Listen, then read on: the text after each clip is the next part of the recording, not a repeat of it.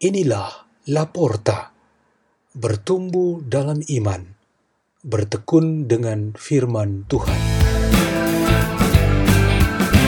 Dibawakan oleh Maria Bos Tukan dan Berbara Helmianti Kedowi dari Gereja Santo Stefanus, Paroki Hadakewa, Keuskupan Larantuka.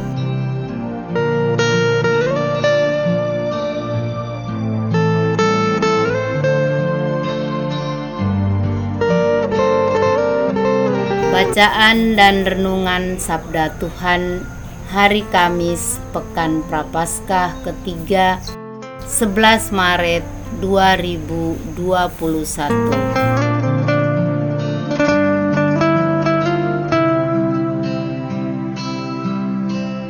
Pembacaan diambil dari kitab Nabi Yeremia bab 7 ayat 23 sampai 28. Beginilah firman Tuhan, inilah yang telah kuperintahkan kepada mereka. Dengarkanlah suaraku, maka aku akan menjadi alamu dan kamu akan menjadi umatku. Dan ikutilah seluruh jalan yang kuperintahkan kepadamu, supaya kamu berbahagia. Tetapi mereka tidak mau mendengarkan dan tidak mau memberi perhatian melainkan mereka mengikuti rancangan-rancangan dan kedegilan hatinya yang jahat, dan mereka memperlihatkan punggungnya dan bukan mukanya. Sejak nenek moyangmu keluar dari tanah Mesir sampai waktu ini, aku mengutus kepada mereka hamba-hambaku, para nabi, hari demi hari terus-menerus. Tetapi mereka tidak mau mendengarkan kepadaku dan tidak mau memberi perhatian. Malahan, mereka menegarkan tengkuknya, berbuat lebih jahat daripada nenek moyang mereka. Sekalipun engkau mengatakan kepada mereka segala perkara ini, mereka tidak akan mendengarkan perkataanmu, dan sekalipun engkau berseru kepada mereka, mereka tidak akan menjawab engkau. Sebab itu, katakanlah kepada mereka, Inilah bangsa yang tidak mau mendengarkan suara Tuhan Allah mereka dan yang tidak mau menerima pengajaran. Ketulusan mereka sudah lenyap, sudah musnah dari mulut mereka. Demikianlah sabda Tuhan.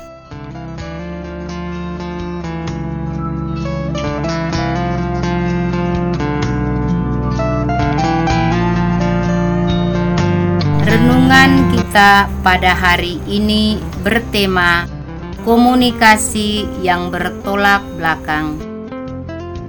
Dengan mengatakan istilah komunikasi yang bertolak belakang, kita maksudkan untuk dilawankan dengan komunikasi langsung atau lebih tepatnya komunikasi berhadapan muka. Sebuah komunikasi langsung berarti ada sebuah presentasi dengan menampilkan pemberi pesan atau pembicara dan pendengar. Ini adalah sebuah komunikasi antar pribadi yang saling mempengaruhi dalam melahirkan makna dan semangat hidup yang baru. Komunikasi yang bertolak belakang merupakan kebalikan dari komunikasi langsung. Bagaimana orang bisa berbicara, saling memberi respek, menangkap simbol-simbol komunikatif, dan saling memberi makna untuk melahirkan kebaruan di dalam relasinya kalau mereka tampak saling membelakangi mereka justru menghadapkan punggung dengan bohong belaka atau juga tidak terjadi komunikasi yang lebih sadis dan merendahkan martabat sebagai manusia ialah seseorang berkomunikasi tetapi partnernya justru menghadapkan punggungnya. itu sama saja dengan penolakan. Kedurhakaan sifat manusia yang tidak berhadapan, salah satu cirinya ialah penolakan terhadap sesamanya yang dikenalnya atau yang harus menjadi sesamanya. Tuhan ingin menjadikan dirinya dekat dan bergaul dengan manusia. Sejak manusia jatuh dalam dosa, tindakan Tuhan sudah jelas, yaitu turun dari tempatnya yang maha tinggi untuk menyatu hidup manusia, lalu menyelamatkannya. Tetapi umat pilihan Tuhan justru sebaliknya, tidak menerima kebaikan ini.